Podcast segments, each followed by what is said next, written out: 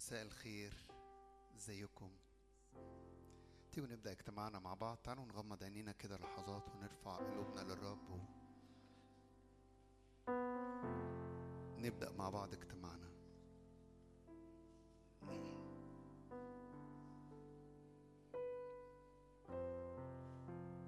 بنعد قلوبنا بنجهز قلوبنا بنعطش ليك لحضورك لمجدك لعملك في وسطينا.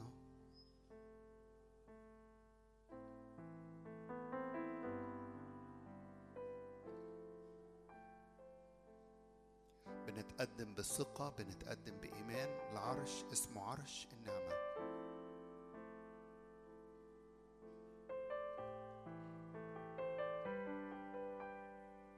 بنثق في عمل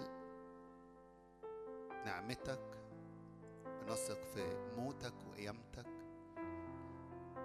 بنثق في الطريق اللي فتحته لينا بالصليب بنؤمن في الحجاب اللي شقيته انشق حجاب الهيكل أصار لينا الدخول مجرد إنك تعلن إيمانك كده بنعلن إيماننا مع بعض. أتينا لنقترب أتينا لندخل أتينا لنصعد إلى جبل الرب.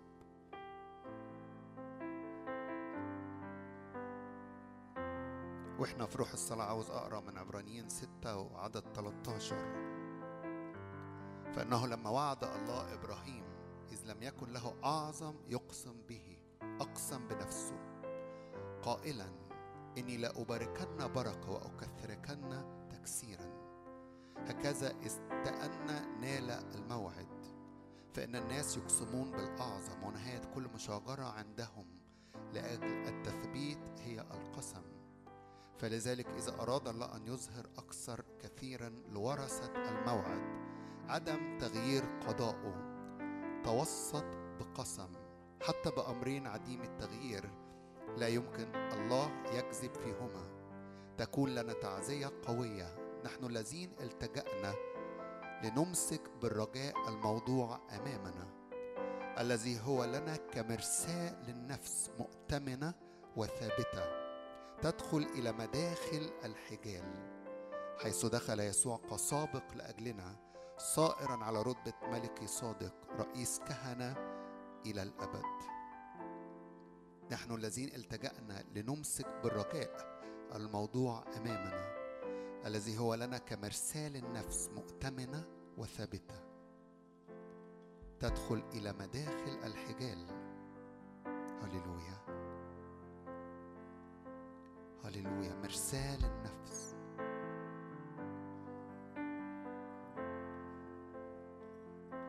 ارفع إيدك كده واعلن سلام سلام سلام. عمق شوى عمق الملك ملك السلام. سلام وراحة في قصورك في تخومك في مدينة الله العلي مدينة الملك العظيم مدينة البر والسلام.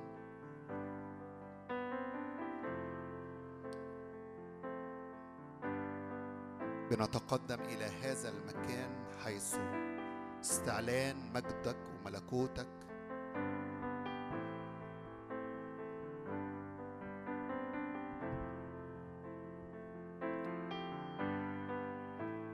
كسابق لأجلنا فتح لينا الطريق. بنعظمك يسوع بنرفعك بنعليك بنبارك اسمك بنعطيك كل المجد. نعم ارفع صوتك ارفعي صوتك واعبد وإحنا بنتقدم. ادخلوا أبوابه بالحمد. بارك الرب.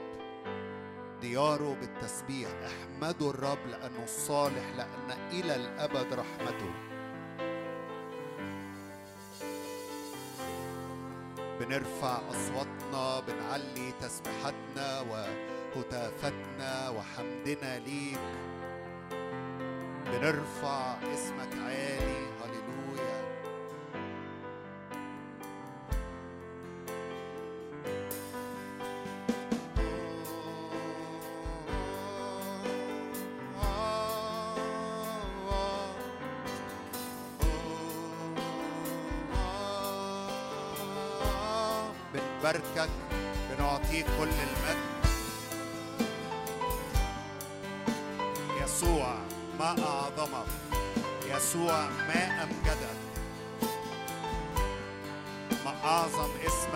كل الأرض.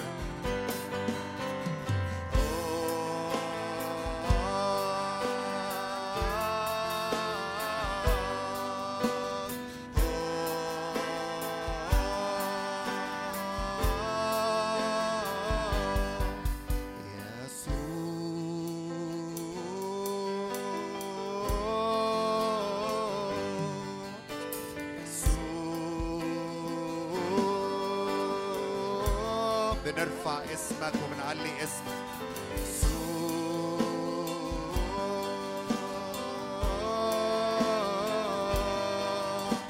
قدم بنتقدم على حساب عملك على الصليب. لأجلنا تصابت لأجلنا إلى مداخل الحجاب. بنرفع اسم يسوع وبنعلي اسم يسوع.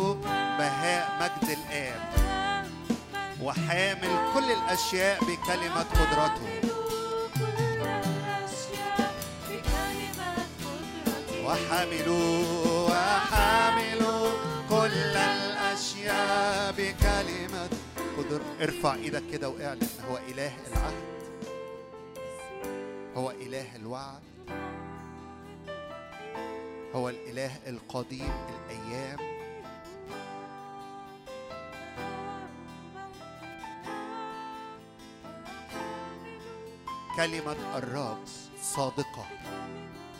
كلمة الرب حق. كلمة الرب ثابتة لا تتغير.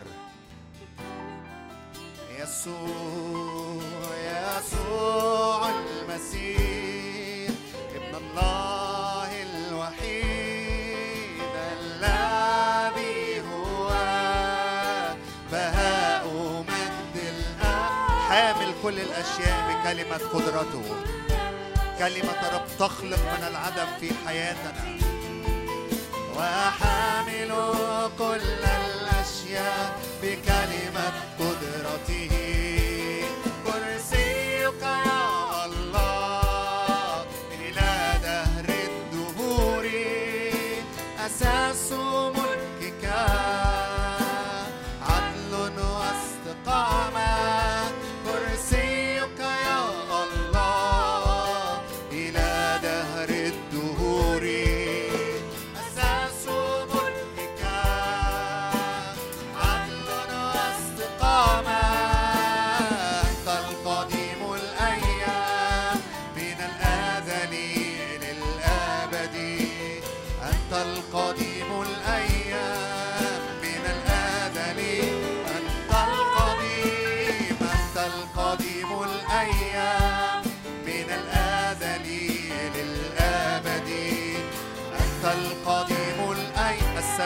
الأرض مثبتين بكلمة الخالق.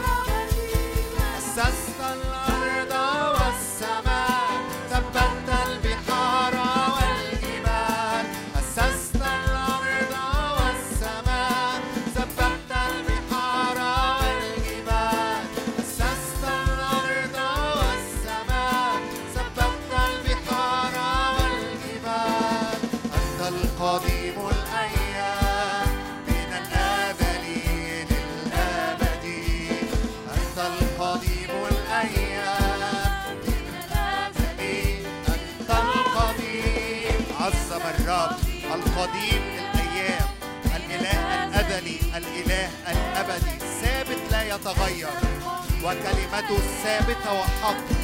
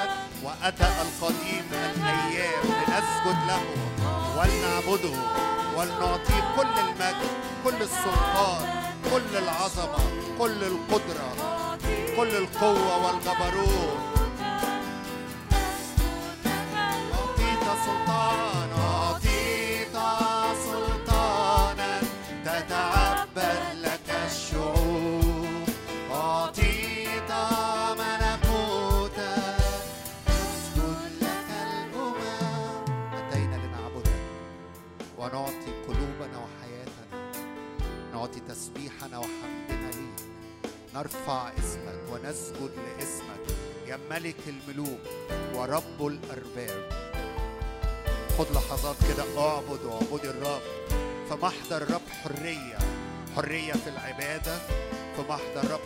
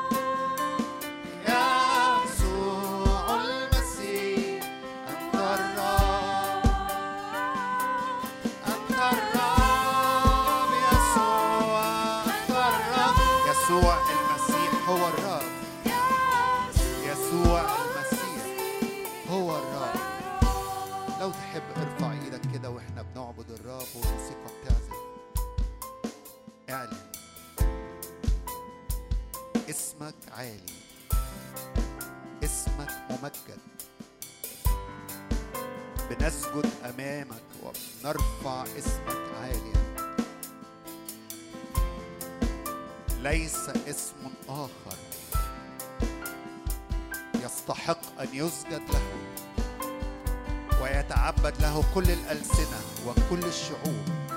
إلى اسمك يسوع. يسوع. يسوع. فيك حرية. فيك شفاء. فيك تحرير وفك. في اسمك يهرب كل حزن. امامك يهرب كل حزن. وفي محضرك يهرب كل حزن. كل تنهد كل حمل كل أحمال كل اثقال من العالم. كل مياه ملحه عمق السديم باسم الرب يسوع. بنعلن كل ملوحة باسم الرب يسوع النهر الخارج من العرش. يجي على كل ملوحة من العالم. يبرئ الأرض. يبرئ الأرض. يبرئ أراضينا. يبرئ نفسياتنا. يبرئ أجسادنا. بنشرب من النهر. فلا نعطش في الطريق. فلا نعطش في الطريق.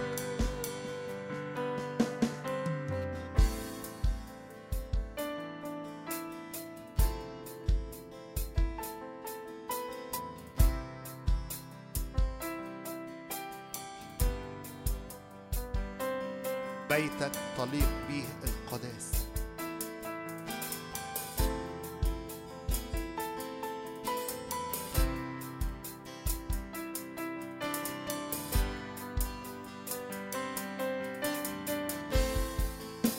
قدوس قدوس قدوس اسمك.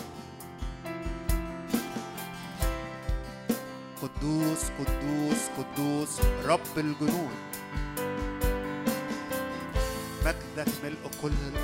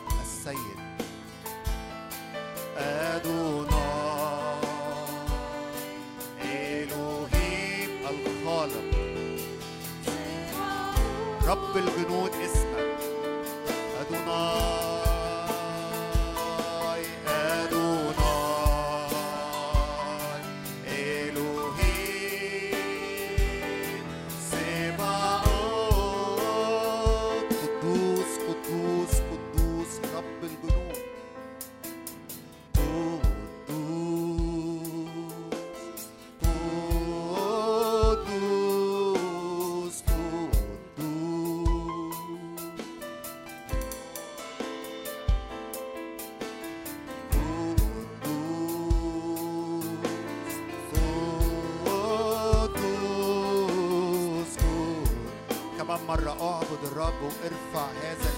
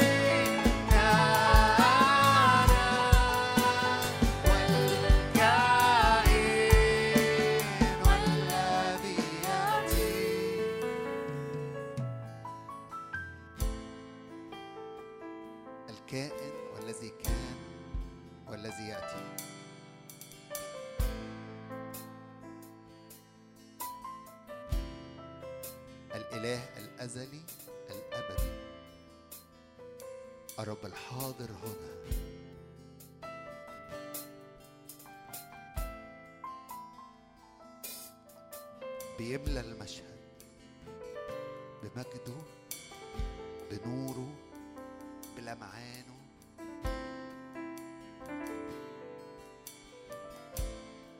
يزداد النور ويزداد المجد ونتغير إلى تلك الصورة عينها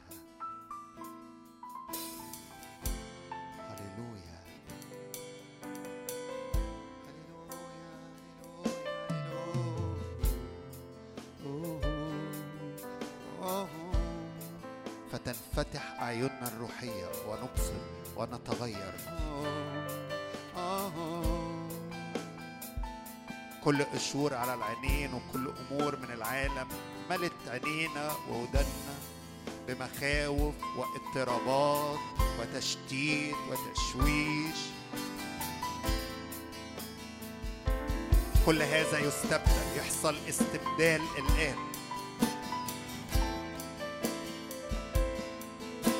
تستنير عيون أذهاننا فنبصر الجالس على العرش.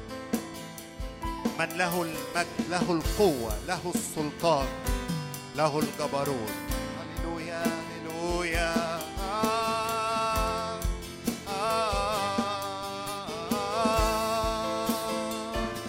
مرتفع فوق السماوات مجدك يملأ المكان لك وحدك التسبيح. اسمك فوق كل corazón.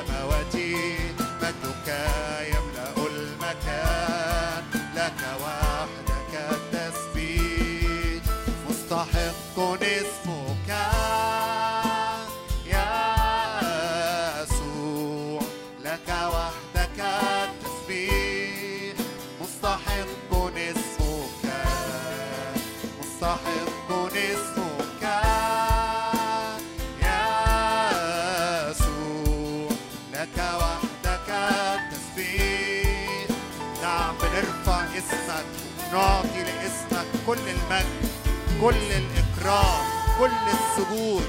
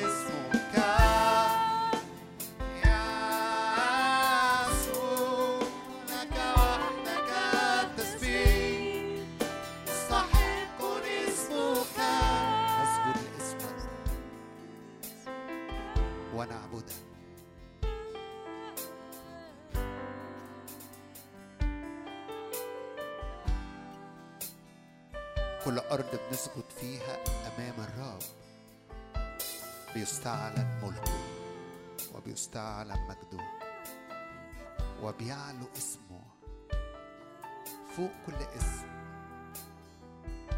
فوق كل قوة فوق كل رياسة وسلطان. فارفع إيدك كده وإحنا ساجدين ورافعين ايدينا للرب. اعلن أدوناي الرب السيد هذه الأيام نعلن سيادته نعلن سلطانه نعلن اسمه اللي فوق كل اسم.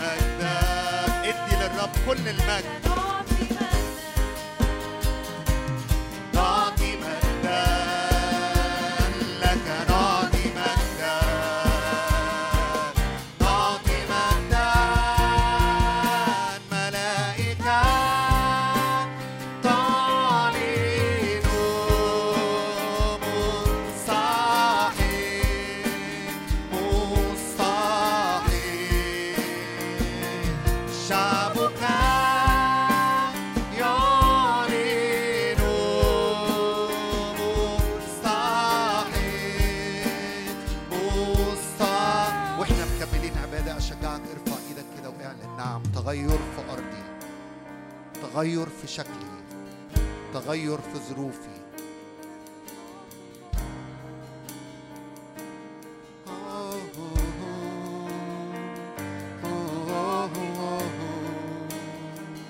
اعلن اعلن بإيمان وقفنا في محضر الرب معا. وقفنا قدام الجالس على العرش. وقفنا في مدينة الله الحي أورشليم السماوية. في حاجة بتتنقل لينا في حاجة بتتغير في حياتنا وفي أرضنا. المجد يغير أرضنا يغير ظروفنا. كل تحديات اعلن. الرب يرى في أرضي. الرب يرى بمجد.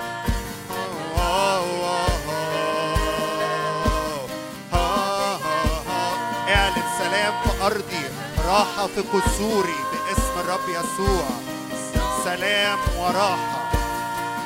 لك نعطي مجدا مدينة الله العلي أورشليم السماوية. مكان شبع مكان راحة مكان لتجديد القوة مكان للتغير. بنتغير إلى تلك الصورة عينها في هذا المكان. آه لك نعطي مجدا أشعة شمس البر بتضيء نور الرب وبهاء الرب ومجد الرب يغير أراضينا. نعطي مجدا. أعطوا مجدا وعزا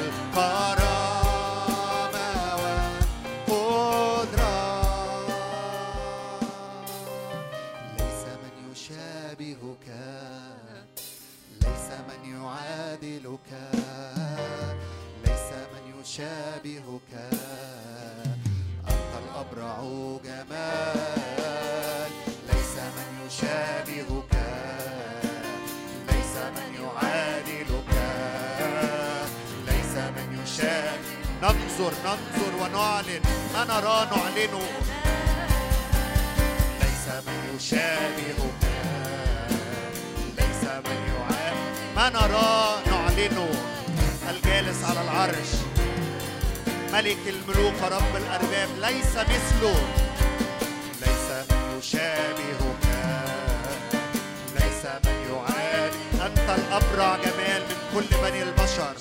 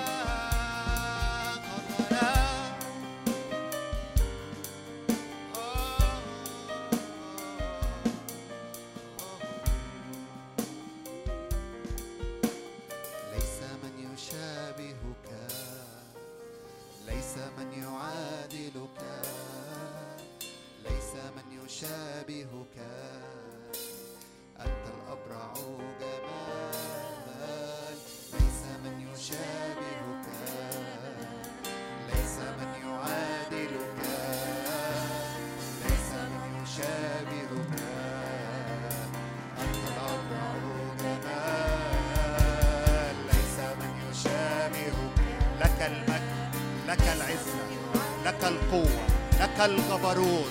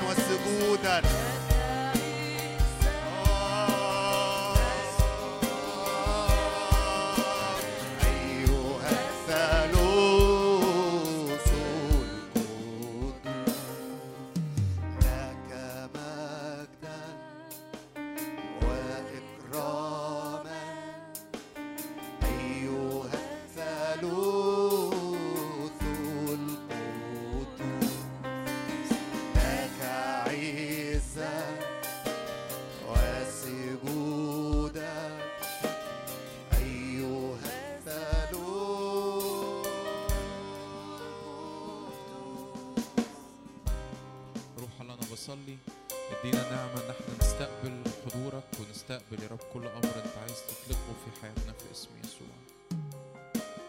يا رب دخلنا يا رب للعمق دخلنا يا رب إلى عرش النعمة دخلنا يا رب أمام حضورك وجها لوجه في اسم الرب يسوع. لنرى يا رب لنبصر قوتك ومجدك كما قد رأيناك يا رب في قدسك. لأن رحمتك أفضل من الحياة في اسم الرب يسوع.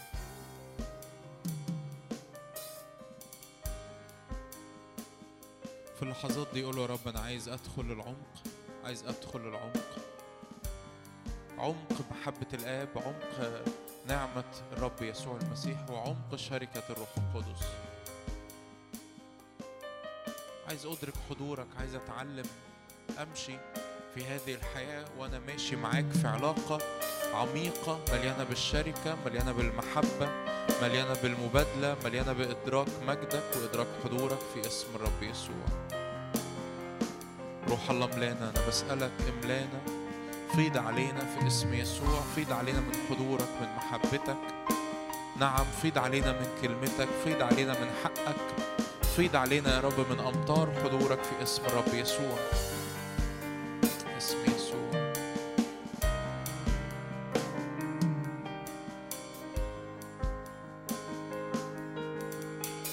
شكرا لأنك حي شكرا لأنك حاضر شكرا لأنك تتكلم شكرا لأنك تعلن عن نفسك.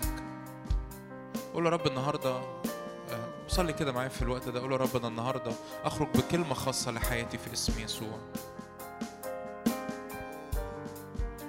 قول يا رب النهاردة أخرج بكلمة خاصة في حياتي في اسم الرب يسوع. كلمة خاصة ليا كلمة خاصة لحياتي كلمة خاصة لعلاقتي بيك كلمة خاصة يا رب للحياة العملية. يا رب في كل أمر في كل أمر في كل أمر يا رب في كل أمر يا رب. تعالى اتكلم تعالى اعلن كلمتك لأن كلمتك حية وفعالة لأن كلمتك تطلق كل أمر في اسم الرب يسوع في حياتي في اسم الرب يسوع. شكرا يا رب لأجل حضورك وسطينا. شكرا لأجل هذا الاجتماع. شكرا يا رب لأجل كل مرة بنجتمع أنت موجود وبتبقى موجود قبلينا. اللحظات دي كده بس قدر معايا قدر معايا وأشكر أشكر الرب لأجل حضوره. أشكر الرب لأن الرب دايما بيبقى موجود. أشكر لأجل الحضور المثبت وسطينا. أقول يا رب شكرا لأجل هذا الاجتماع. شكرا لأجل حضورك وسطينا. شكرا لأن كل يا رب يوم ثلاث عندك يا رب عبادة بتطلقنا. يا رب وبنيجي يا رب بنتحد معا وعندك كلمة بتغير حياتنا في اسم الرب يسوع. لكل مجد يا رب. فيض علينا يا رب في هذه الليلة في اسم الرب يسوع. في اسم يسوع. آمين آمين آمين. مساء الخير. كويسين؟ وأنتم طيبين؟ و آه، إيماني إنه النهارده الرب عنده كلمة خاصة لينا. ف... فأنت لو جيت النهارده يعني آه، مخصوص والدنيا بتمطر أو بتشتي أو ايا كان ده بتقولها إيه فالرب عنده كلمة خاصة ده إيماني. آه، فيعني تعالوا ندخل على طول عشان ما نطولش عليكم برضو في الساعة. تروح بقى تلحق تنام تتدفى تشرب سحلب مثلا أو حاجة. لحقت عايزه على طول كده عايزه تروحي على طول. طب أقول كلمتين وأمشي و... تعالوا نفتح مع بعض ملاخي إصحاح واحد. سفر ملاخي إصحاح واحد. يعني كنت واقف بسأل الرب يا رب عايز تقول إيه النهارده؟ فقال لي الكلمة دي. ويمكن تكمل شوية على الإبرام آه، كان بيشارك بيه ال- التلات اللي فات. ربنا يباركك يا إبرام. ملاخي واحد إصحاح اتنين لو معاك موبايلك افتح الموبايل اقرأ عليه الآيات بما إن مفيش آيات. يقول كده الرب لشعبه في العهد القديم عدد اتنين أحببتكم قال الرب.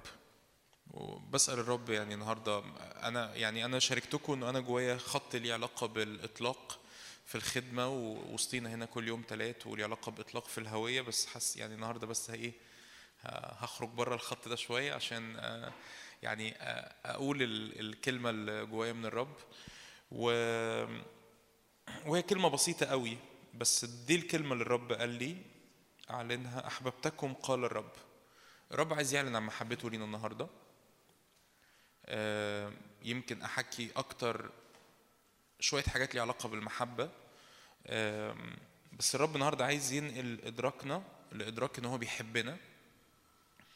وإنه إحنا محتاجين آه، نتجاوب مع المحبة دي من غير آه، ما نبتدي نسأل أسئلة ليها علاقة بال بالواقع العملي أو الواقع المادي بتاع حياتي اللي ممكن يوصل لي رسائل عكس المحبة. ببساطة يعني آه، يعني مع بعض كده هنكتشف الرسالة رايحة لفين. الرب النهارده عايز يعلن عن محبته ليك عن محبته ليكي ببساطة. يعني رسالة حتى ما أعتقدش إنها هطول خالص. و... وعايزني آه، أتثبت زي ما الكتاب بيقول كده في رسالة أفسس متأصلين ومتأسسين في المحبة لكي تمتلوا إلى كل ملء الله في أفسس ثلاثة. وإدراك المحبة ده كل ما بكبر فيه بيقع كمان من عليا التذمر. يمكن أتكلم النهارده شوية عن التذمر لأنه حاسس إنه الرب عايز برضو يلغي من حياتنا كلمات التذمر وكلمات الشكوى لأن التذمر والشكوى آه، بي آه، بيخليني ما أقدرش أمتلك الوعد بتاع الرب. فالرب عايز يلغي من حياتنا كلمات التذمر وكلمات الشكوى وعايز يثبتنا في إدراك المحبة اللي مش مرتبطة بالظروف. إن الرب يحبني دي حاجة ما بتتقاسش بالظروف. ما بتتقاسش بالأحوال المادية ما بتتقاسش ب قد إيه ربنا استجاب طلباتي أو ما استجابش طلباتي. لأنه أحيانا آه، ممكن ربنا بسبب المحبة ما يستجيبش طلباتي. ما أنا ممكن أكون بطلب حاجة مش في مش في صالحي. ممكن أكون بطلب حاجة هتضرني. ممكن أكون بطلب حاجة ما هياش مناسبة للصورة اللي الرب دعيني إني أكونها. فالرب يعلن لنا كده ويعلن للشعب في العهد القديم أحببتكم قال الرب. في فيردوا عليه الشعب زي ما يعني هنقرأ كام آية كده في ملاخي في, في نفس الاتجاه. يردوا عليه الشعب في العهد القديم وقلتم بما أحببتنا. آه فين ال- حب إيه اللي أنت جاي تقول عليه؟ فين الحب ده؟ فين مش حاسس إن ربنا بيحبني؟ مش شايف إن ربنا أنا مش شايف إن ربنا بيحبني. أنا حاسه إن أنا لوحدي أنا حاسس إن أنا لوحدي أنا حاسس إن أنا بطلب من ربنا وما بيستجيبش نفسي حاجات تحصل وما بتحصلش. فشعبي بالظبط كده لأن هم بني آدمين شرقيين زينا كده برضو حالتنا. يقولوا له مصمصوا كده شفايفهم ملاخي بيوعظهم يقول لهم أحببتكم قال الرب فيقولوا له إيه؟ آه بما أحببتنا يعني فين يا عم الحب ده؟ مش حاسس أنا ما في اسم يسوع أنا مش جوايا قوي الوعظ على قد ما جوايا إنه لأن دي حاجة أنا ما أقدرش أعملها إن القدس هو اللي يجي ينقل لنا المحبة دي. آمين؟ واللغة بتاعت لأن هو ده بالظبط اللي جوايا يعني مش مش هزود عليه. ولما نستقبل المحبة دي نبتدي ندرك إنه لغة التذمر يعني هو هي ببساطة كده. نستقبل المحبة وندرك إن لغة التذمر بتفشل الوعد في حياتي. بتفشل إني أمتلك اللي الرب عايز يقوله لحياتي. اللي الرب يقول لي أنا بحبك أنا بموت فيك أنا بحبك أنت غالية. ففي وعود واحد اتنين تلاتة أربعة وفي بركة وفي شبع وفي فرح وفي دعوة وفي هوية وفي ملكوت بيمتد انت غالية عليا أنت غالي عليا أنا عايز أباركك وعايز أبارك بيتك وعايز أبارك أمورك. بس ما اجيش عند كل مطب إنجاز التعبير آه يو هو فين المحبة؟ هو فين ال... ال... في حد هنا بيعدي بمطبات في حياته؟ كلنا. ظروف تحديات مشاكل كلنا. لكن الرب عايز يثبت جذورنا في محبة الرب. آمين؟ الرب عايز يثبت جذورنا في محبة الرب. لما الرب النهارده دلوقتي كده يقول لك أحببتكم أرجوك لو طلع في دماغك الفكرة بتاعت بما أحببتنا دي افتكر إنه في شعب من 2400 سنة رد على الرب الرد ده. برضه شعب كده من 2400 سنة ربنا قال لهم أنا بحبكم. فأول حاجة طلعت في دماغهم إيه؟ آه، بما أحببتنا يعني ما ربنا بيحبني بقى وربنا صالح و... ما- عايزين نتثبت في الحق ده. فالشعب بيقولوا بما أحببتنا. يقول أليس عيسو اخا ليعقوب؟ ده الرب بقى بيرد مش عيسو أخو يعقوب ده عيسو ده التوأم بتاع يعقوب. يقول الرب وأحببت يعقوب أنا اخترت يعقوب. مش عيسو ده أخو يعقوب. مش في بشرية حوالينا مش في ناس حوالينا مش في ناس كتير حوالينا. أنا اخترتك. أنا حبيتك. أنا حبيتك. أنا افتديتك بدمي. أنا اتصلبت لأجلك. ليس لأحد حب أعظم من هذا أن يضع أحد نفسه لأجل أحبائه. الرب بص يعني إيه؟ سفلتها كده. الرب مش محتاج يعطي أي دليل المحبة أكتر من الصليب. أي حاجة تانية الرب ممكن يباركك بيها في حياتك هي أقل كثيرا جدا جدا جدا جدا من الصليب. أي فلوس أي بركة مادية أي استجابة لصلوة ايا كان نوعها إيه حتى استجابة الصلوات الروحية. الرب مش محتاج يعطي أي دليل المحبة أكتر من الصليب. لأنه ليس لاحد حب أعظم من إيه؟ من هذا. أن يضع أحد نفسه لأجل احبائه مفيش أي حب مفيش أي حب أعظم من كده. أكتر من إن واحد يضع نفسه لأجل احبائه إن الرب يكون مات لأجلك إن الرب مات لأجلك إن الرب رفع الخطية إن الرب شال الفاصل اللي ما بيني وما بينه إن الرب شال الموت عني إن الرب شال الخطية عني إن الرب شال النجاسة عني إنه جعل نفسه ذبيحة إثم. مفيش دليل المحبة الرب محتاج هل معنى كده إن الرب ما بيعملش حاجات في حياتنا؟ يو الرب بيعمل حاجات كتير. ولا إيه؟ بيعمل حاجات كتير. كل يوم بيعمل حاجات. فيه ناحية ونتحرك ونوجد. لكن أي حاجة تانية بتحصل إحنا عارفين بنشكره عليها بنقول يا رب هللويا مجدا للرب شكرا لأجل لأجل المحبة وشكرا لأنك بتبارك وشكرا لأنك بتعطي و... آه، الكتاب بيقول كده تعطي الجميع خيرا و...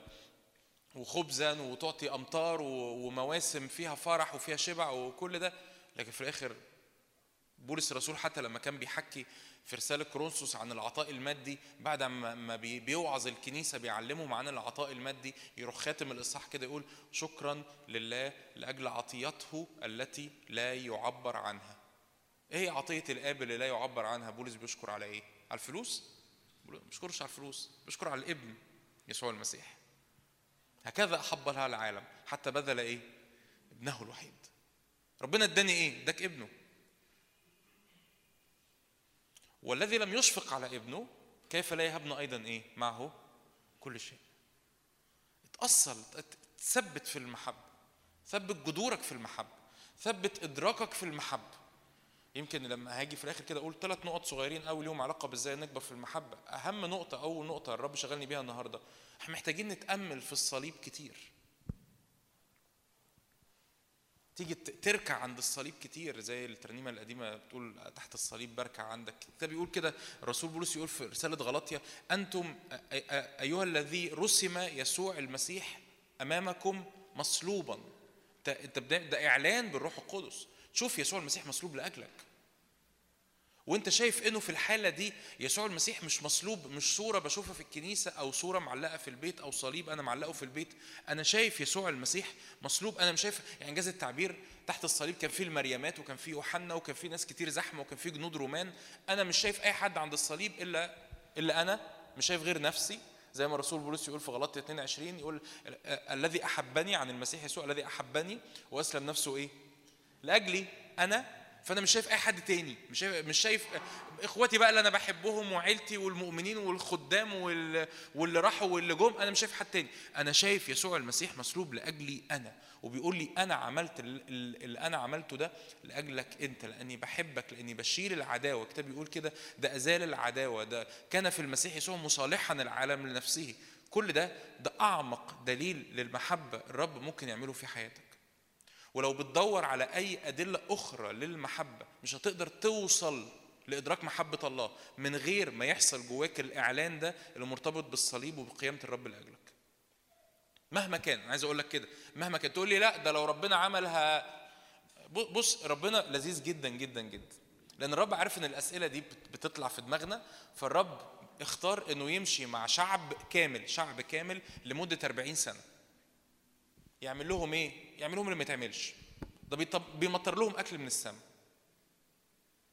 عايز أكتر من كده إيه؟ ده ده الأحذية اللي في رجليهم ما بتدوبش. ده الهدوم اللي لابسينها ما بتتقطعش. عايزين مية بيفجر مية من الصخر. إيه يعني إيه احتياج إيه احتياجات ال- البني آدم العادي في الزمن ده؟ يلبس ياكل يشرب. عايزين لحمة؟ هبعت لكم لحم. الشعب ده عمل إيه في الآخر؟ الكتاب بيقول كده بأكثرهم لم يسر الرب. ليه؟ مفيش إعلان الصليب. خلي بالك. مفيش إعلان إيه؟ الصليب.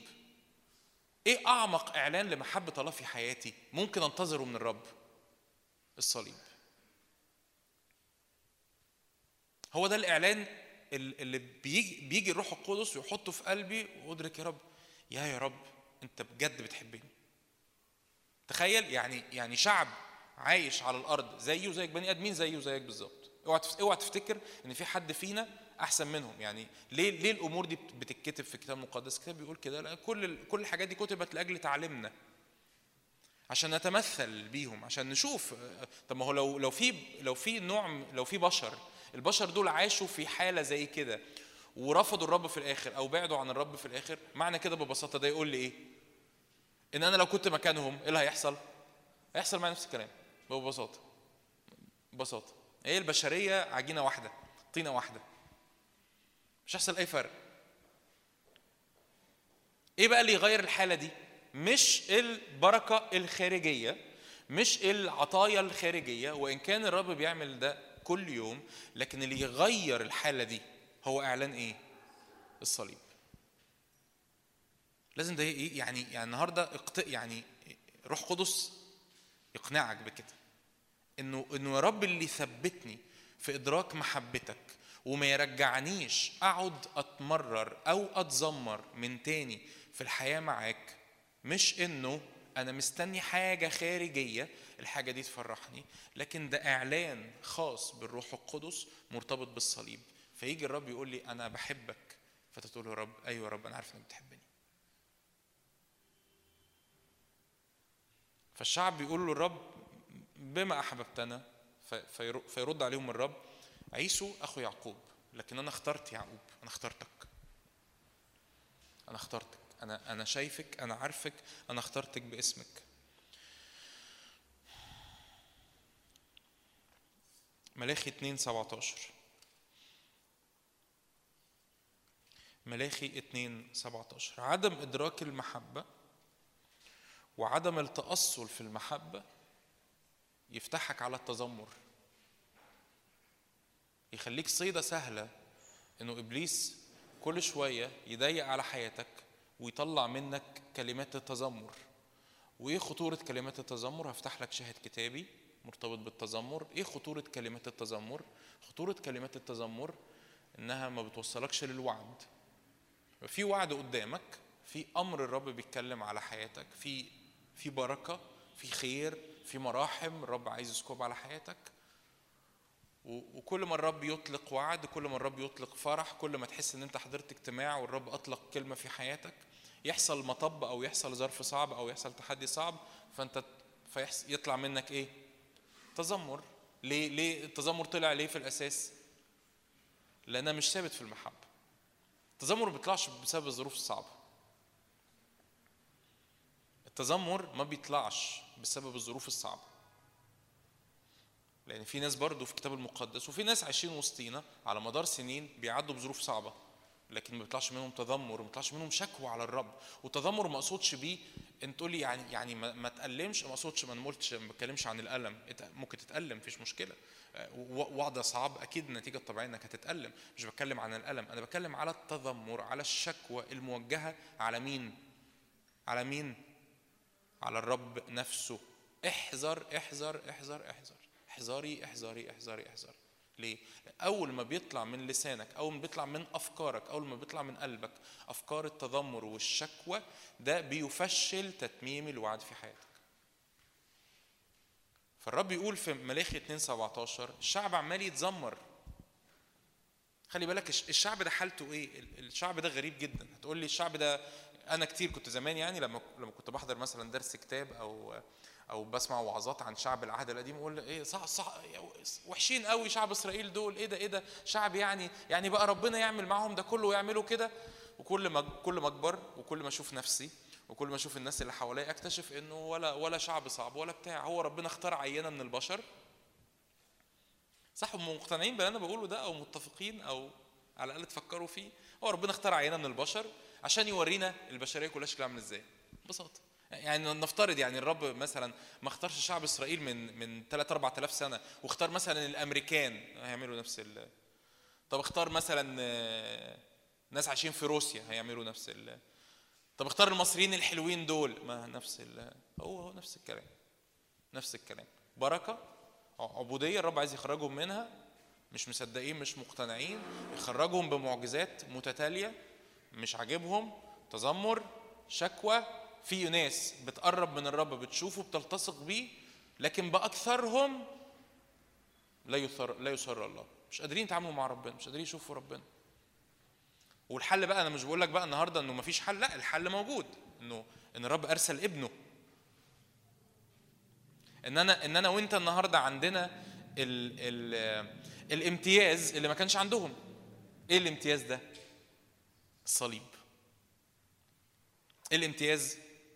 الصليب ان إحنا شفنا إن الرب أرسل ابنه الوحيد. هتقول أنا حاسس كده يعني في أنا عايز أنا عايز حاجة عملية هو مفيش حاجة عملية أكتر من كده. إن الآب بذل ابنه الوحيد. ده, ده مش بيقول لك يعني مش بعت لك جواب مثلا أو إيميل أو رسالة على الواتساب مكتوب فيها أنا بحبك.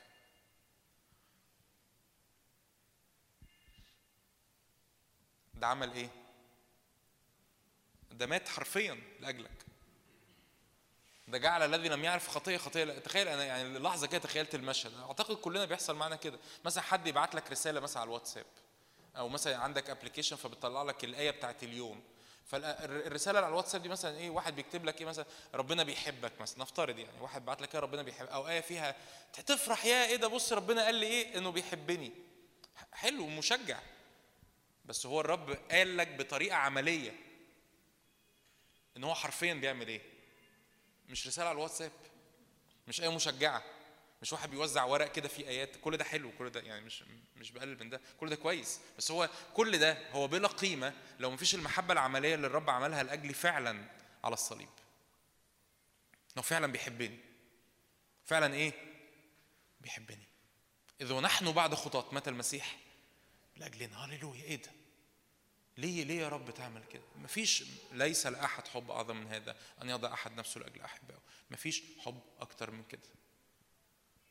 رب يسوع بيصلي في يوحنا 17 أنا أحببتهم كما أحببتني. أنا بحبهم زي ما أنت بتحبني. إيه يا رب ليه ليه؟ إيه إيه يعني؟ ليه بتحبني؟ أنا بحبك. قد إيه؟ لدرجة إن أنا بموت لأجلك. علشان إيه؟ يعني إيه الهدف؟ إنك تباركني تبعت لي فلوس مشاكلي تتحل. لا لا لا لا سيبك. ده, ده كل ده لعب عيال. كل كل ده كويس ممكن أعمله. بس بس أنا عايز أرجع الشركة عايز أرجع العلاقة عايز أرجع المحبة عايز أرجع إنك ترجع في حضني تاني. ولما ترجع في حضني تاني تدرك إنه أي حاجة أرضية أنت بتعدي بيها هي مؤقتة وزائلة وفي أبدية كاملة أنت تستمتع بيها مع الرب هو ده أعمق دليل المحبة. ايا كان أنت بتعدي بإيه ما أوكي. الخليقة تئن وتتمخض إلى الآن. رومية 8 بيحصل. بيحصل مشاكل بيحصل مشاكل. ليه بيحصل مشاكل؟ لأن العالم وضع في الشرير. ليه بيحصل ظروف صعبة؟ عشان ربنا مش عايز يبارك، لا لا لا ملهاش أي علاقة، الرب عايز يبارك والرب يبارك ويريد أن يبارك، وكتير بيوعد بالبركة، بس آه، تاني أقول لك التذمر بيفشل وعد الله في حياتك. طب ليه بيحصل مشاكل؟ مش ربنا قادر على كل شيء؟ أيوه قادر على كل شيء لكن النظام الفاسد اللي إحنا عايشين فيه ده مليان شر. وربنا ما خلقناش عرايس بماريونيت ما خلقناش عرايس بيحركها بإيده.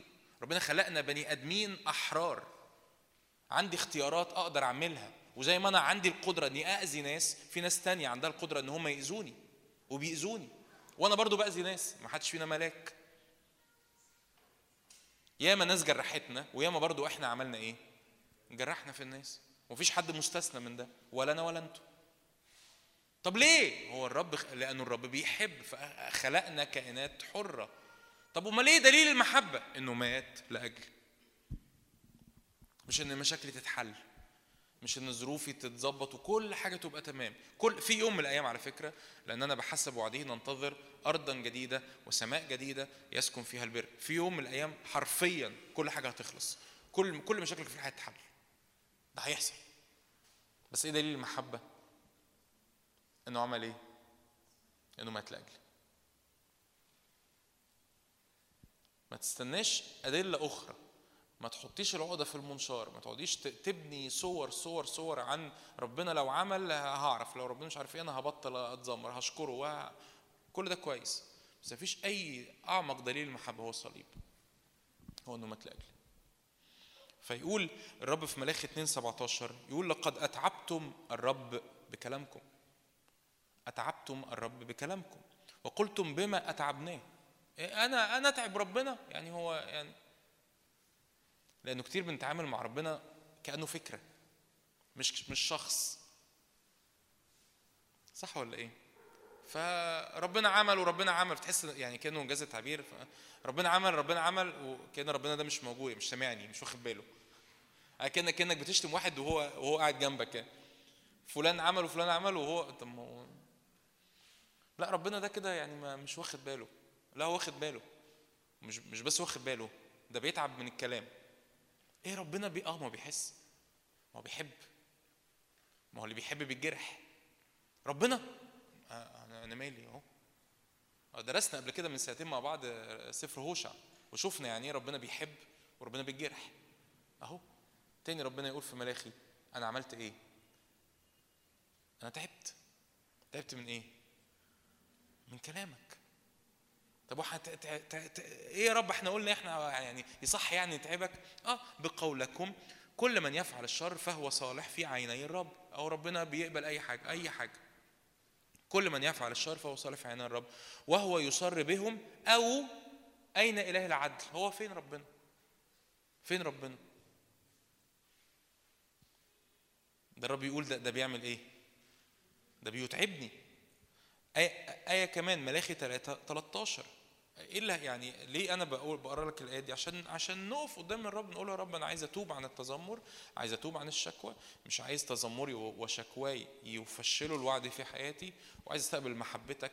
علشان المرة الجاية ألاقي مطب صعب في طريقي أبقى واثق في حاجة واحدة بس إن الرب أحبني وأسلم ابنه لأجلي. آمين؟ يقول كده الرب في ملاخي 3 13 ففي 17 2 17 يقول أتعبتم الرب بكلامكم. أنا أنتوا تعبتوني. وأنا وأنا كمان يعني إحنا مع بعض. كلنا. ها 3 13 يقول إيه؟ أقوالكم إيه؟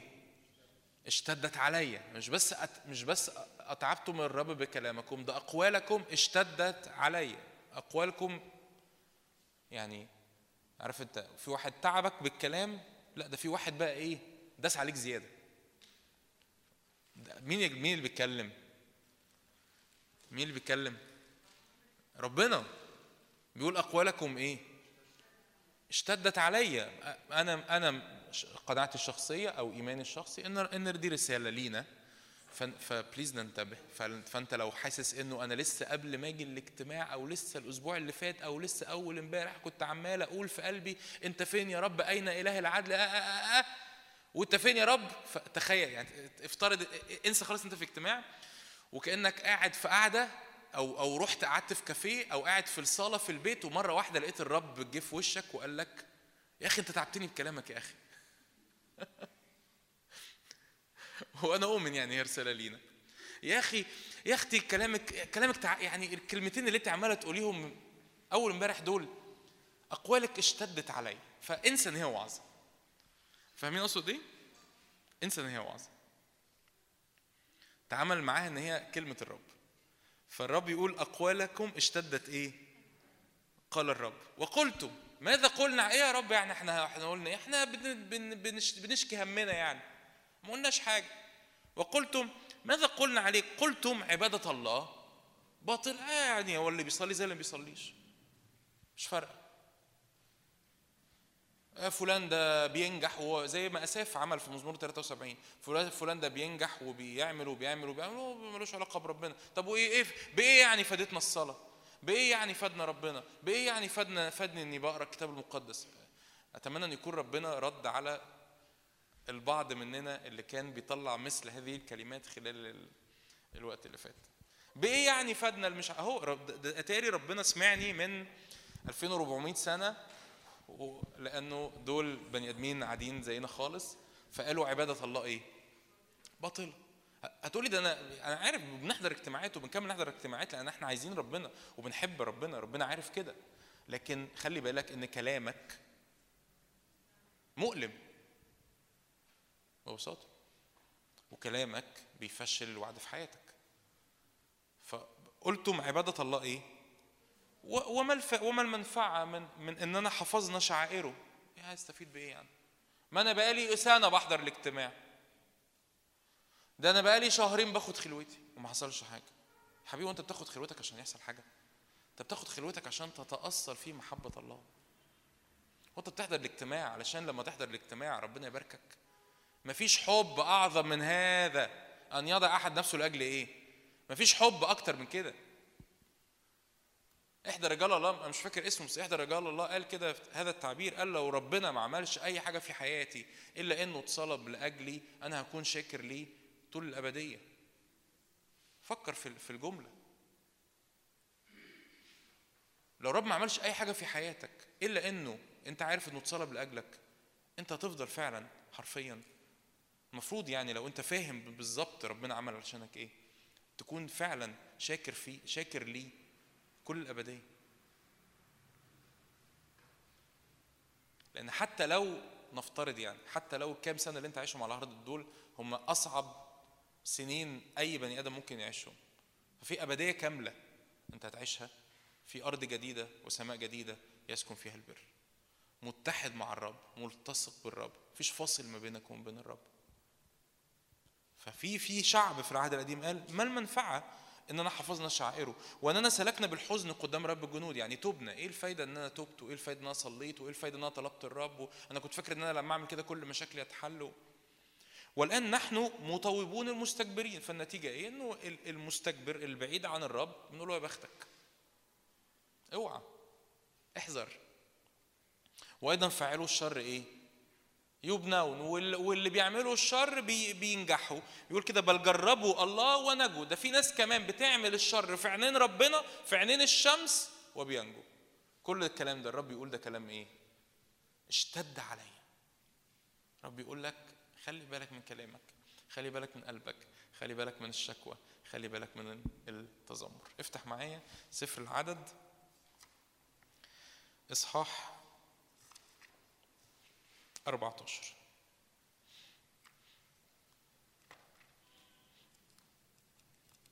اعتبر ببساطة الرسالة الرب جاي يشاركك قلبه يقول لك خلي بالك لأن كلامك ده مؤلم بالنسبة لي. أنا عايز أعمل أمور في حياتك لكن ما تخليش الشكوى والتذمر يفشل الأمور اللي أنا عايز أعملها في حياتك. استقبل محبتي اضرب جذور حياتك في محبتي تكون متأصل ومتأسس في المحبة. عدد 14 عدد آية واحد.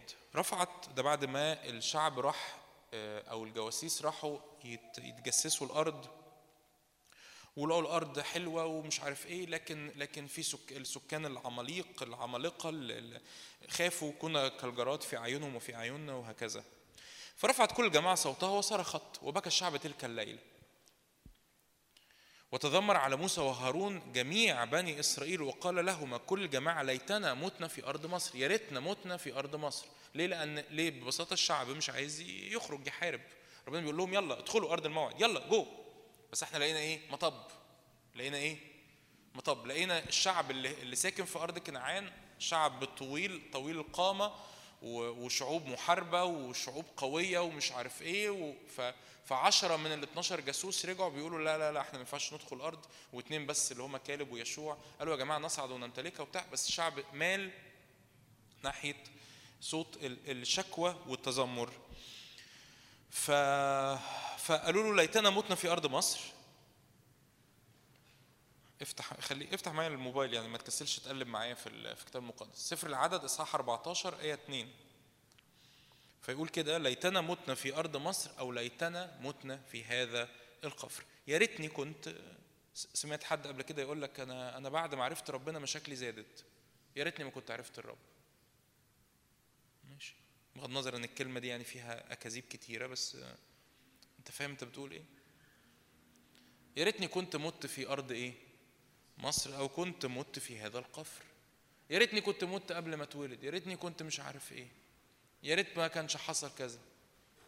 يا يعني أنا بعد ما خدمت وعملت واتحركت ربنا مش مثلا حصل لي مشكلة كأن بولس مثلا بعد ما خدم وراح فيليبي وخرج روح الشرير اللي على الجارية. يعني يا رب بعد ما عملت يا ريتني ما كنت خرجت روح الشرير دي لغة محتاجين نتوب عنها. محتاجين نقول يا رب أنا بتوب عن اللغة دي. أنا بتوب عن اللغة دي. وما يصحش وما يطلعش من لساني وما يطلعش من قلبي بعد كده إنه عبادة الله باطلة. آمين؟ فيقول كده الشعب ليتنا متنا في أرض مصر أو ليتنا متنا في هذا القصر القفر ولماذا أتى بنا الرب إلى هذه الأرض لنسقط بالسيف؟ حبيبي هو الرب جايبك هنا لتسقط بالسيف الرب جايبك عشان تمتلك. لا أنا شايف في وسط ال- ال- الظروف في وسط مش عارف إيه لأنه ده شعب مش متأصل في المحبة فهو شايف إنه آه ربنا ما عايز يوديني في داهية. ربنا عايز يوديك في داهية. ربنا بيحبنيش كفاية. ربنا بيحبك. أمال مين بيحبك كفاية؟ أنت أنت بتحب نفسك كفاية؟ أنت حتى بتحبش نفسك كفاية. مين بيحبك كفاية؟ ربنا مش عارف أنا بعدي بإيه ربنا مش عارف أنت بتعدي بإيه. أمال مين عارف أنت بتعدي بإيه؟ ده إحنا مش بنبقى عارفين إحنا بنعدي بإيه. اللي حصل كان مؤلم. ليه؟ ليه كان مؤلم؟ لأنه طبعا نط معايا لآية عشرة. آية عشرة. قال الجماعة أن يرجم ولكن قال كل جماعة أن يرجم بالحجارة. ده الجماعة الشعب قرر أن هم يرجموا مين؟ موسى وهارون. موسى. عايزين يرجموا مين؟ مو- موسى ده موسى ده تقرأ الكتاب في خروج 34 ولا خروج 33 يقول لك ده موسى ده لما كان بيخرج في وسط المحلة ويخرج بره المحلة عشان يسجد في خيمة الاجتماع كان الشعب كله بيخرج من الخيمة بتاعته يتفرج المنظر بتاع عمود النار وهو بينزل من السماء لخيمة الاجتماع عشان يشوفوا المنظر ده لما موسى يدخل يسجد. عايزين يرجموا مين؟ انت متخيل التذمر بيعمل إيه؟ والتذمر بقى لما يبقى كمان نبقى إيه إحنا مع بعضينا يعني ففلانة قالت لي وفلان قال لي وده ظروفه صعبة ودي ظروفها صعبة و...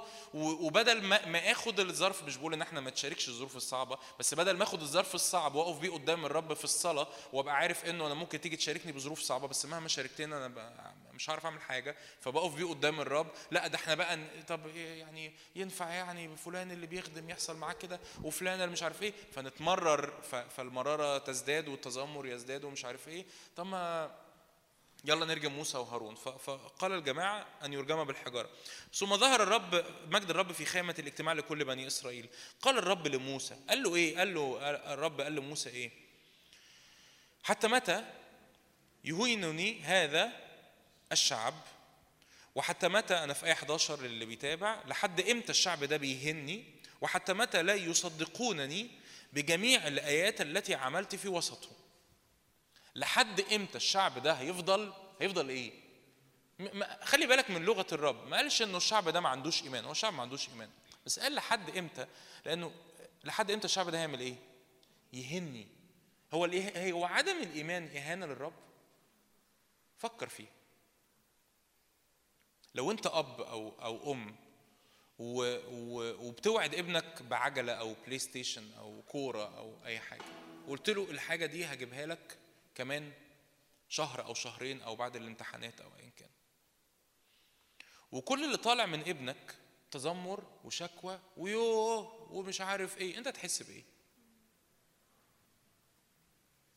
أنا أحس في حاجة غلط يعني يا إما أنا ما عرفتش أربيه يعني ما عرفتش أوصل له إن أنا فعلا بحبه وإن أنا قد كلمتي يا إما هو مصر إنه ما يصدقنيش. صح ولا لأ؟ هو الرب حاسب كده الشعب ده مصر إنه يهني مصر إنه ما يصدقنيش. خلي بالك لأنه بعد كده يقول إيه؟ ده آه، في آه في في عدد يعني في آية 22 يقول كده جربوني الآن عشر مرات. وده وده ده, ده حقيقي.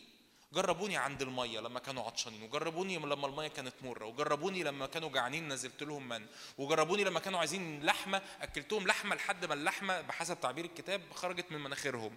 جربوني عشر في عشر ضربات في أرض مصر. جربوني لما البحر اتشق قدامهم. جربوني جربوني جربوني جربوني. والشعب ده مصر إنه إيه؟ خلي بالك. الرب عمل وعمل وعمل وعمل وعمل وأهم ما عمل إنه صلب لأجلك. فما تفضلش انت أو ما تفضليش انت مصرة اني اكمل في attitude عدم الايمان ومسميه ضعف. ما في ناس في ناس تحب قوي تلزق في الحاجة وتقول لك ده إيه؟ اصل ده إيماني ضعيف. طب ما تقويه يا أخي. يعني ها وبعدين إيمانك ضعيف. طب ما تقرأ الكلمة. ما تقعد قدام الرب. ما تسبح. ما تشكره. بارك يا نفس الرب وكل ما في باطني. هتقعد تتذمر تتذمر وتشتكي وتشتكي. وانت اللي بتدور خلي بالك يعني الرب من ناحيته يعني هو زعلان عليك. زي الأب اللي واعد ابنه بحاجة لكن شايف ابنه عمال يعيط كل يوم. يعني تخيل معايا أنا وعدتك أجيب لك اللعبة دي كمان شهرين. فهو شايفه كل يوم لمدة شهرين بيعمل إيه؟ بيعيط. هو هيجيبها له بس أنت معذب نفسك. فالرب شايف البركة شايف الأرض شايف إنك هتمتلك شايف إنه في وعد بس أنت بت... أنت بتعذب نفسك يا أخي.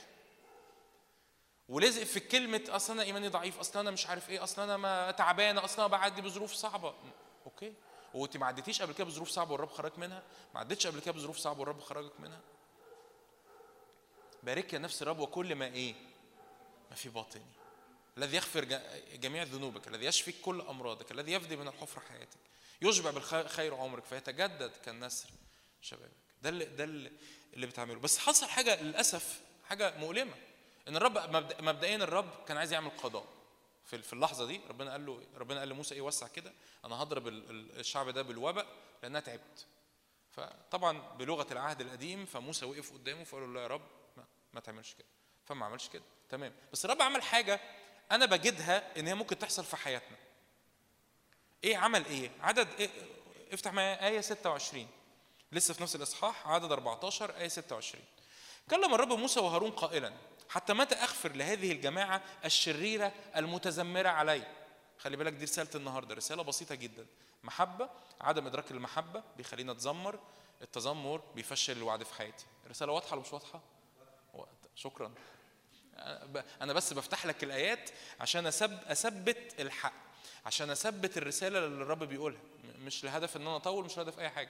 افتح لك الآيات لأن كلمة الله حيه وفعال عشان كلمة الله عايز أدي الفرصة لكلمة الله إن هي تشتغل في حياتنا علشان نتغير. ده الهدف. تمام؟ فالرب قال له إيه؟ قال له الجماعة دي إيه الشريرة قال إيه؟ المتذمره علي. فده مش مش تعبيري أو مش اللفظ بتاعي. ده جماعة شريرة متذمره قد سمعت تذمر بني إسرائيل التي يتذمرونه علي. هم اتذمروا قالوا إيه؟ ليتنا متنا في أرض مصر أو ليتنا متنا في القفر. هم قالوا إيه؟ يا ريتني كنت مت في أرض مصر أو يا ريتني كنت مت فين؟ خلي بالك بقى. ليه بقى؟ ليه لازم تخلي بالك؟ لأن في فرق ما بين قضاء الله وما بين الزرع والحصاد. من شوية الرب كان عايز يعمل قضاء. يعني من لحظات فاتت في, في الآيات ما أنا ما قريتهاش فوتها بس ارجع الاصحاح لما ترجع البيت. من لحظات الرب كان عايز يعمل قضاء. راح موسى وقف قدامه قال له لا يا رب ما تعملش قضاء. بس في حاجة في نتيجة حصلت. إيه بقى النتيجة اللي حصلت؟ قل لهم حي أنا يقول الرب لأفعلن كما تكلمتم في أذني. أوكي. أنا هعمل اللي أنتوا بتقولوه. ده مش قضاء. خلي بالك بقى.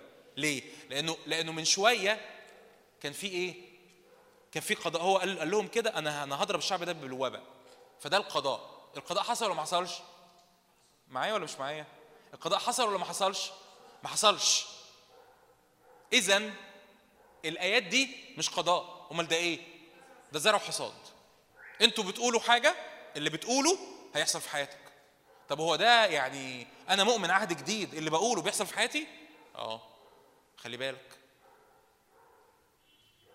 خلي بالك. ليه؟ لأنه القضاء ما حصلش. اذا الله أمال إيه بقى اللي ربنا بيعمله؟ ده مش قضاء.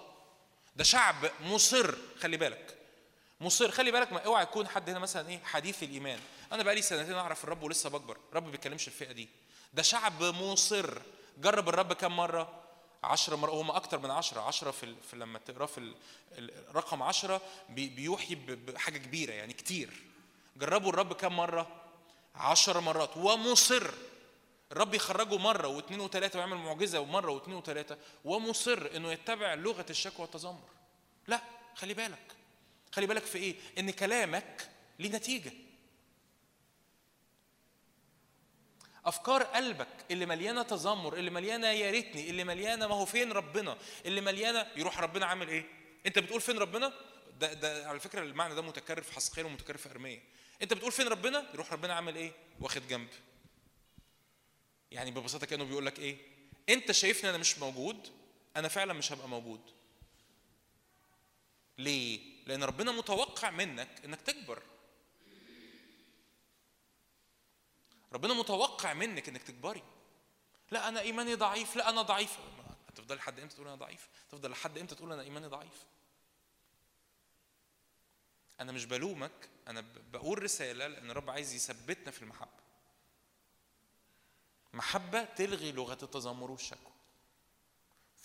فالرب قال له إيه؟ لأفعلن بكم كما تكلمتم في أذني. إيه هم قالوا إيه؟ في هذا القفر تسقط جثثكم. جميع المعدودين منكم حسب ده بص بقى من, من رحمة الرب. خلي بالك ده هم ده هم قالوا إحنا عايزين نعمل إيه؟ نموت. بص بقى الرب بص رحمته.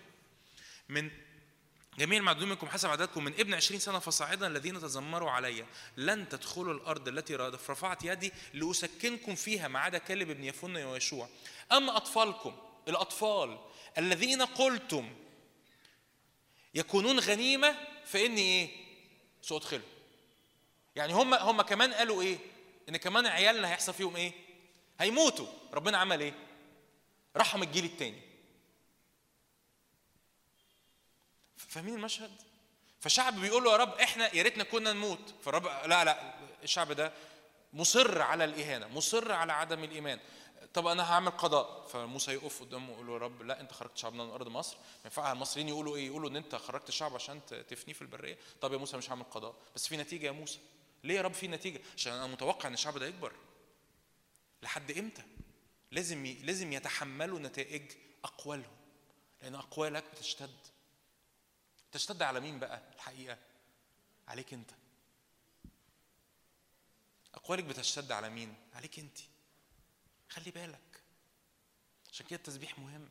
عشان كده إنك تفكر نفسك بأعمال الرب مهمه عشان كده إنك تذكر نفسك بصلاح الرب مهم. عشان كده إن أول ما تلاقي طلع في قلبك أفكار تذمر وأفكار شكوى ترجع قدام الرب وتقلب في الكلمة وتقول يا رب أنا عايز أتعلم عن صلاحك وعايز أدرك محبتك وصلاحك لأن هو ده اللي بينقلني الكتاب يقول كده تمتلئوا إلى كل ملء الله ليه؟ لأنه لو ما عملتش كده وفي وعود وفي بركات وفي وفي أمور ربنا عملها في حياتي، اوعى تقول بقى ما بعد ما تسمع الرسالة دي، اوعى يكون بقى تقول لي طب أنا في وعود ما حصلتش، ما ممكن يكون ده إحدى الأسباب. هي ما حصلتش ليه؟ ليه؟ لأنه آه، كان ممكن الوعد يكون إنجاز التعبير يعني فاضل عليه نص ساعة ويحصل. بس أنت مصر إنه لآخر لحظة أنا هتذمر. فأهو يعني الوعد واقف على الباب بيخبط. بس أنا خلاص مش قادر أستحمل أكتر من كده. فطلعت كلمة شكوى طلعت تذمر طلعت آه، شكاية على الرب. فالرب يقول لك أوكي. لأن كلمتك ليها نتيجة. كلامك ليه نتيجة. أقوالك ليها نتيجة. افتح معايا أفسس ثلاثة اقرا لك الشاهد ده واقول لك ثلاث حاجات ون- ونصلي. عشان اللي عايز يروح يشرب سحلب.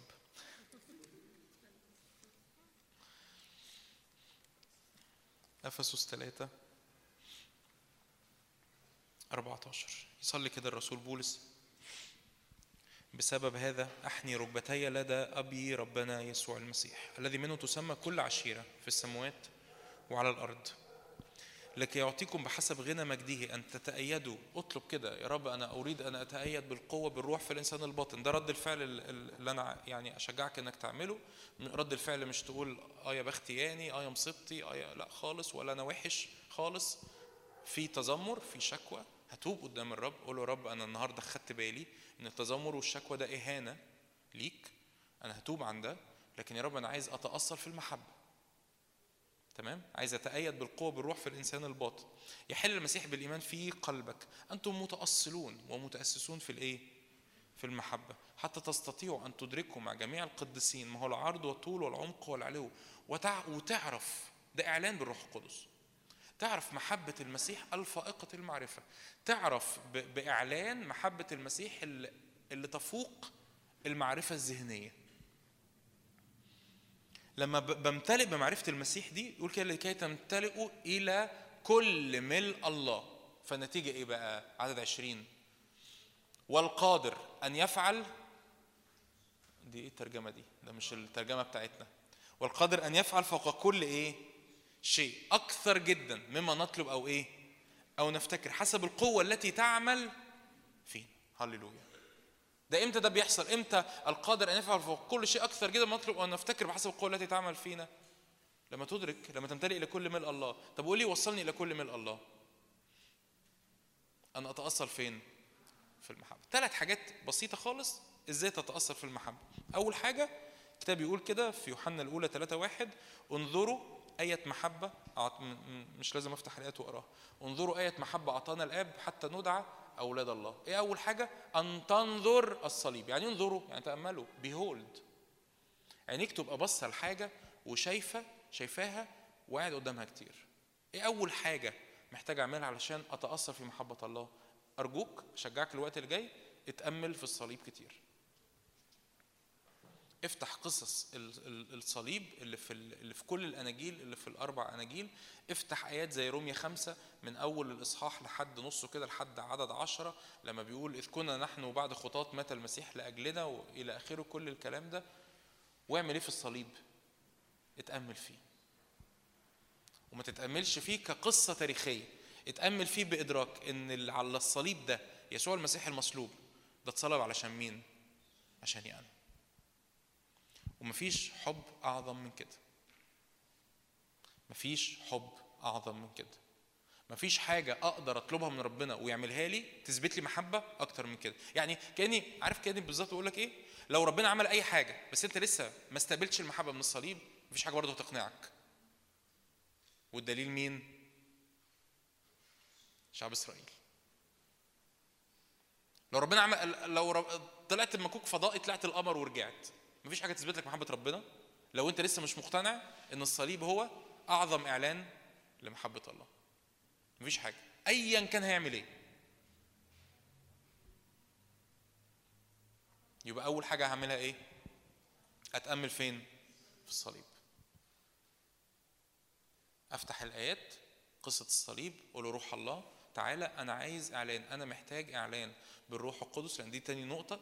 أمتلئ بالروح القدس. يقول كده الروح القدس يخبرنا بالأمور الموهوبة لنا من الله. يا رب أنا مش عايز أقرأ الكتاب مش عايز أقرأ الآيات في الكتاب المقدس مش عايز أقرأ قصة الصليب كأنها آيات آه، أنا عارفها أو كأنها آيات بتشرح قصة آه، تاريخية أو كأنها آيات بتشرح قصة وخلاص أنا عايز أقرأ قصة الصليب وأنا عارف إن ده ال- الإعلان بتاع المحبة بتاع الآب لحياتي. فمين اللي يجي يديني الإعلان ده؟ روح قدس. بس أنا لازم أعمل مبادرة. إيه المبادرة؟ إن أنا هتأمل في الصليب.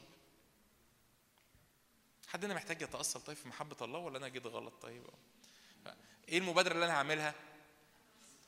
أتأمل في الصليب. لما أتأمل في الصليب أقول له روح الله أنا محتاج إيه بقى؟ إعلان. محتاج إعلان. إن اللي على الصليب ده كنت المفروض أبقى أنا. والانفصال اللي حصل ما بيني وما بينك بسبب الخطية بسبب النجاسة بسبب الشر بسبب محبه الذات بسبب الأوثان اللي في حياتي كنت أنا المفروض أبقى الم- المصلوب. بس أنت اتصلبت لأجلي. مش بس اتصلبت لأجلي أنت اديتني حاجة اسمها الولادة الجديدة. مش بس اديتني الولادة الجديدة أنت جيت تسكن فيا. مش بس تسكن فيا ده في شركة ما بيني وما بينك. مش بس في شركة بيني وبينك النهارده أنا هفضل معاك للأبد. أسكن في أرض جديدة وسماء جديدة يسكن فيها البر. هللويا. إيه إيه إيه, إيه إثبات تاني للمحبة أنا محتاج أستقبله من ربنا؟ مفيش إثبات أكتر من كده. مين؟ بس أنا محتاج الإعلان ده يبقى بالروح القدس مش بكلمات. عشان كده أنا ما يعني مش عايز أطول قوي أقعد أفتح لك ايات عن المحبة وكل ده. لأنه دي دي دي في سكتك أنت بقى شخصية مع الرب اللي تفتح فيها الآيات وتقول له روح الله تعالى ارسم ارسم الصليب وارسم مشهد الصليب قدام عينيا وفي روحي عشان أدرك محبة الله اللي أعطاها ليا في المسيح يسوع. ثالث حاجة وآخر حاجة جدد ذهنك عن ابوه الله. جدد ذهنك دي ممكن أن أفتح آيات متى ستة؟ متى ستة؟ أختم بالآيات دي.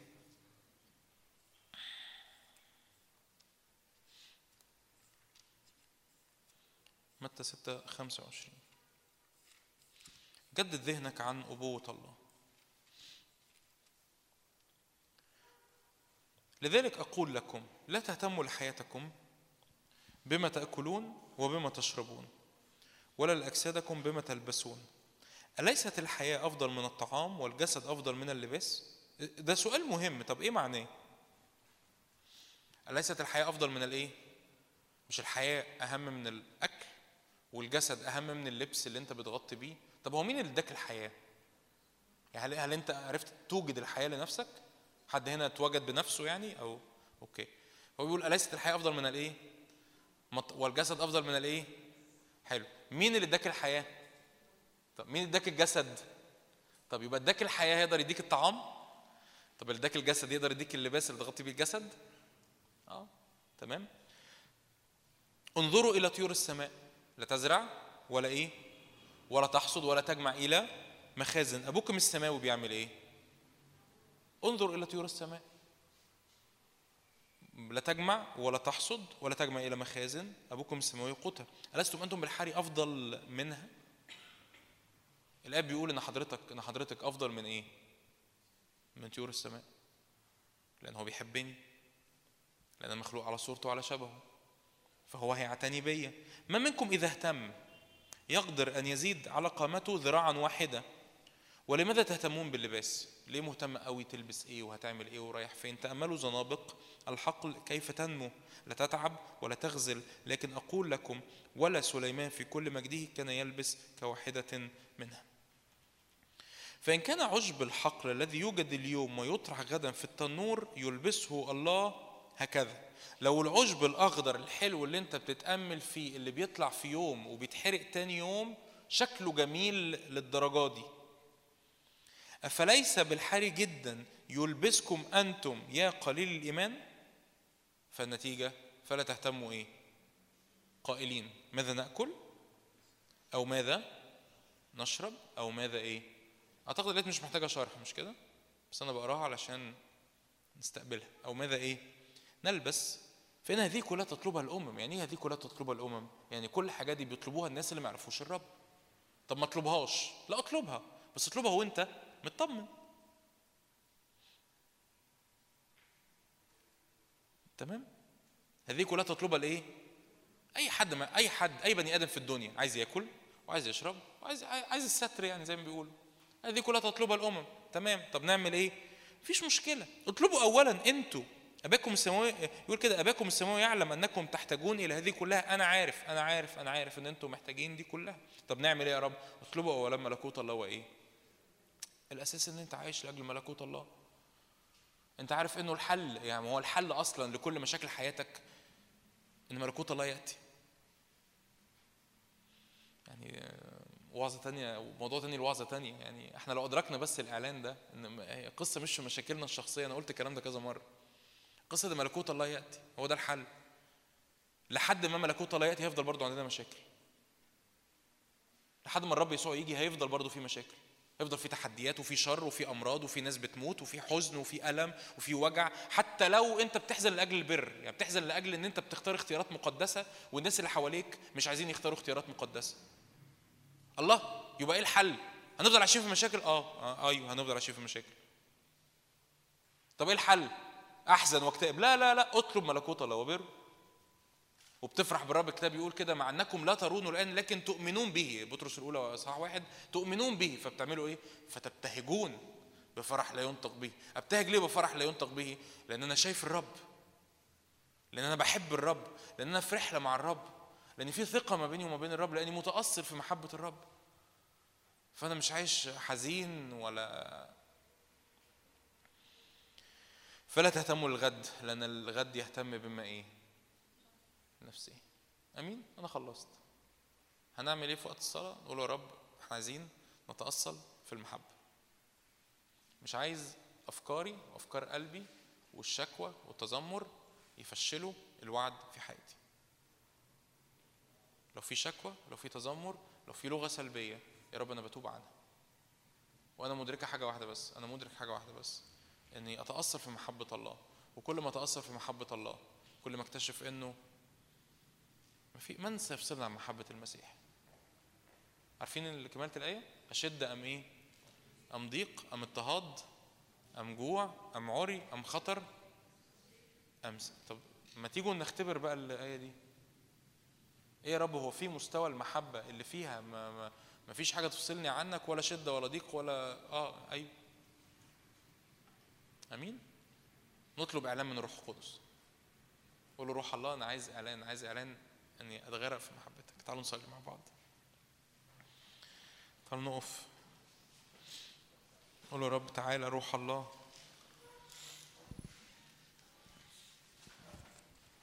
روح الله أنا بصلي.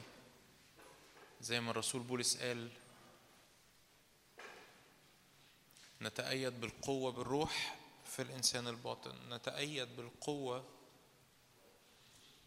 بالروح في الإنسان الباطن. فنتأصل ونتأسس في المحبة. يا رب كل كلمات يا رب شكاية كل كلمات تذمر كل يا رب اتجاه قلب في شكاية أو تذمر أنا بتوب عنه يا رب. شجعك إنك تصلي الصلوة دي قدام الرب. يا رب كل اتجاه قلب فيه شكاية أو فيه تذمر أنا بتوب عنه.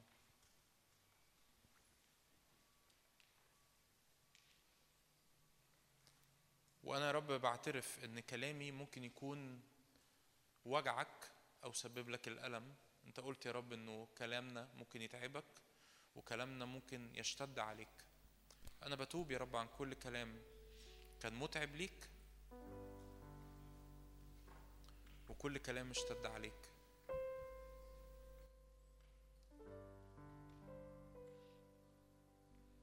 يا رب أنا حقيقي رب زي شعب إسرائيل أنا جربتك عشر مرات مش بس عشر مرات أنا جربتك مئات المرات آلاف المرات.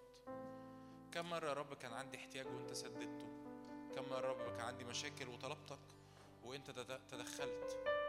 كم مرة يا رب كان عندي ظروف صعبة ووثقت فيك يا رب ولقيتك بتمد إيدك؟ كم مرة كم مرة ما وثقتش حتى فيك ولقيتك برضو بتمد إيدك؟ لكن يا رب أنا بختار النهاردة إني أتوب يا رب عن كل اتجاه قلب في عدم إيمان. بتوب يا رب عن كل اتجاه قلب في إهانة ليك إهانة من خلال كلماتي أو من خلال أفكاري أو من خلال غياب ثقتي فيك أو عدم إيماني فيك. يا رب أنا بطلب إني أتأثر في المحبة إني أتأسس في المحبة إني أتغرس في المحبة. بطلب إعلان يا رب بالروح القدس إنه يملأ قلبي. قد إيه يا رب أنت حبتني قد إيه يا رب أنت موت لأجلي؟ غفرت كل خطية غفرت كل شر. رجعتني يا رب لحضن الآب. شكرا يا رب لأنه ليس لأحد حب أعظم من هذا أن يضع أحد نفسه لأجل أحبائه.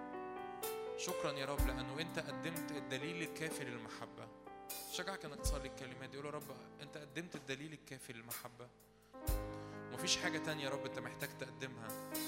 كتير في ناس بتقول الكلمات دي في صلواتها أو بتقولها لناس تانية أو بتقولها لنفسها. أنا بس لو ربنا عمل هتأكد إنه بيحبني. أنا بس لو ربنا عمل الحاجة الفلانية أنا هبقى واثق إنه بيحبني. قول يا رب أنا أنا مش محتاج ادله أكتر من كده. مفيش بني آدم على الأرض دي اختار أو يقدر يختار إنه يموت علشاني لكن أنت عملت كده. مفيش بني آدم على الأرض دي. اختار إنه يبقى في شركة معايا مستمرة. مفيش بني آدم على الأرض دي. اختار إنه يفضل متحد بيا. مفيش بني آدم على الأرض دي يقدر يدخلني معاه في الشركة تدوم للأبد. وإنت عملت كده. إنت عملت كده. إنت عملت كده. فرب أنا مش منتظر أمر أرضي أو مش منتظر أمر جسدي أو مش منتظر أرض و... أمر وقتي. لكن يا رب أنا بعلن قدامك إني محتاج إعلان بالروح القدس. إني أتأثر في المحبة. إعلان عميق بالروح القدس. إنك تيجي ترسم قدامي الصليب وترسم قدامي محبتك ودليل محبتك العملية في الصليب.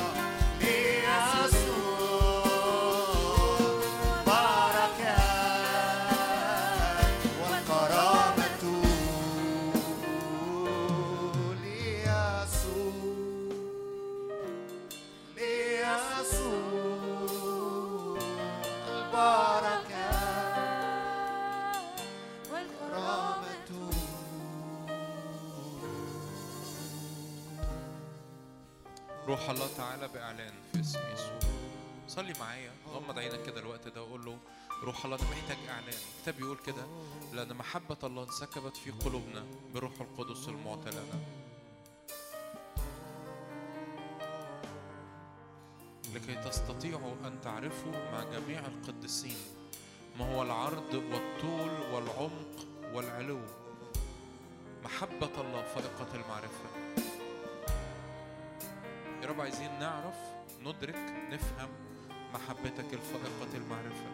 روح أنا بصلي ارمي في قلوبنا بذار إدراك محبتك في اسم يسوع. شكرا لأنك أحببتنا فضلا. شكرا لأنك حبتنا شكرا لأنك صلبت لأجلنا. شكرا لأنك قمت من الموت لأجلنا.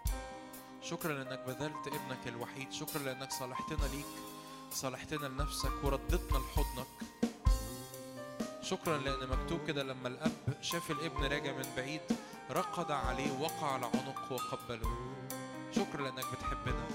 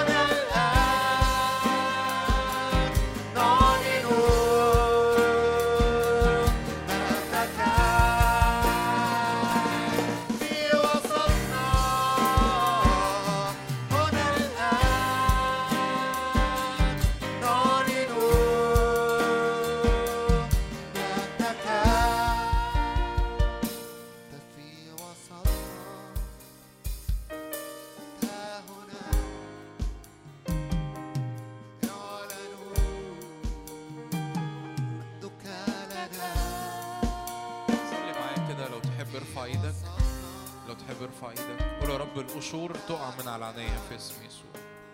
كل قشور على النفس كل قشور مرارة كل قشور عدم غفران كل قشور تدين كل قشور عدم إيمان إني أصدق في محبة الرب. أنا بصلي القشور تقع في اسم الرب يسوع. قول يا رب قلبي ونفسي يكونوا حساسين لاستقبال محبتك لاستقبال أحضانك السماوية في اسم الرب يسوع. أؤمن أؤمن إن في سلطان في اللحظات دي. كل قشور كل قشور على القلب كل قشور على النفس كل قشور على الأفكار كل قشور بتمنعني إني أستقبل محبة الرب في اسم يسوع. تقع الآن في اسم الرب يسوع.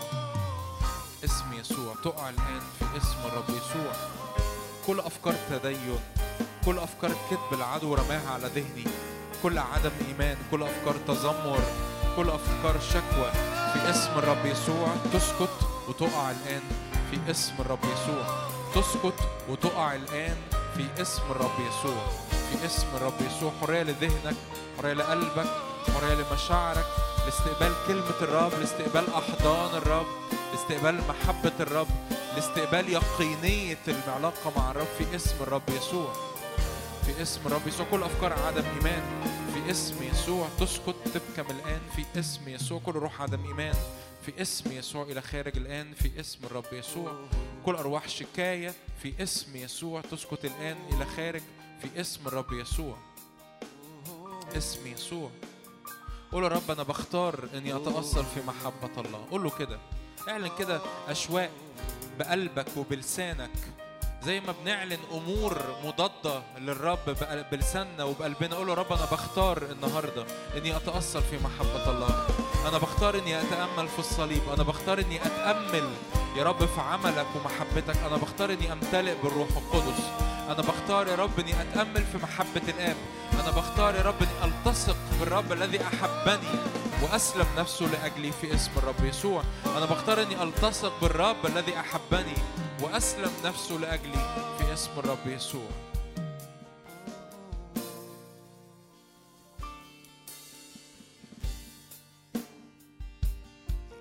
أنك متهم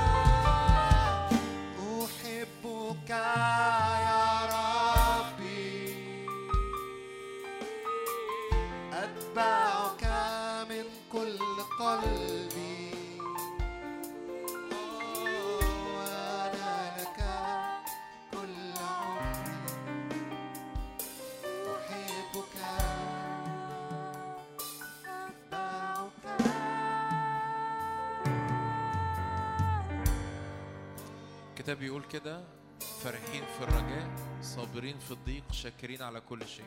قول يا رب اطلق في لساني اديني نعمة إني أتعلم أشكر في كل شيء. تعالوا نصلي مع بعض. قول له كده يا رب يا رب علمني أشكر. يا رب أنا عايز كلمات الشكر تبقى مالية لساني الوقت اللي جاي. كلمات الشكر مالية بيتي. كلمات الشكر حتى في, في كلام الخاص اللي ما بيني وما بين مراتي اللي ما حدش سمعه تبقى كلماتي مليانة شكر. كلماتي مليانة حمد.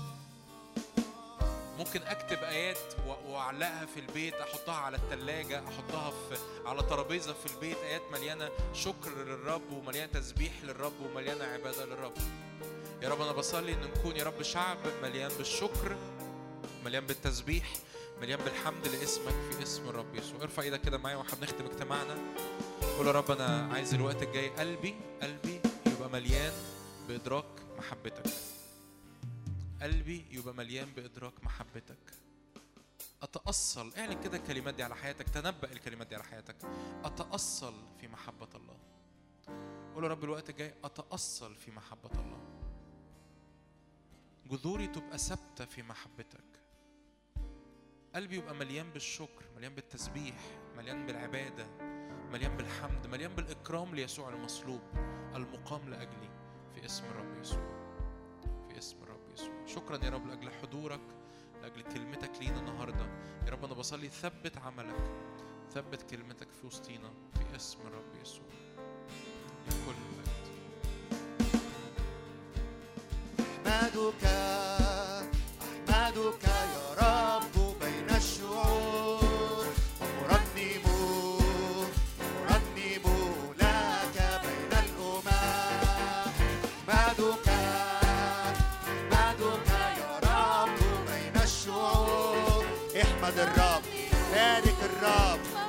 اشكر الرب أحمدك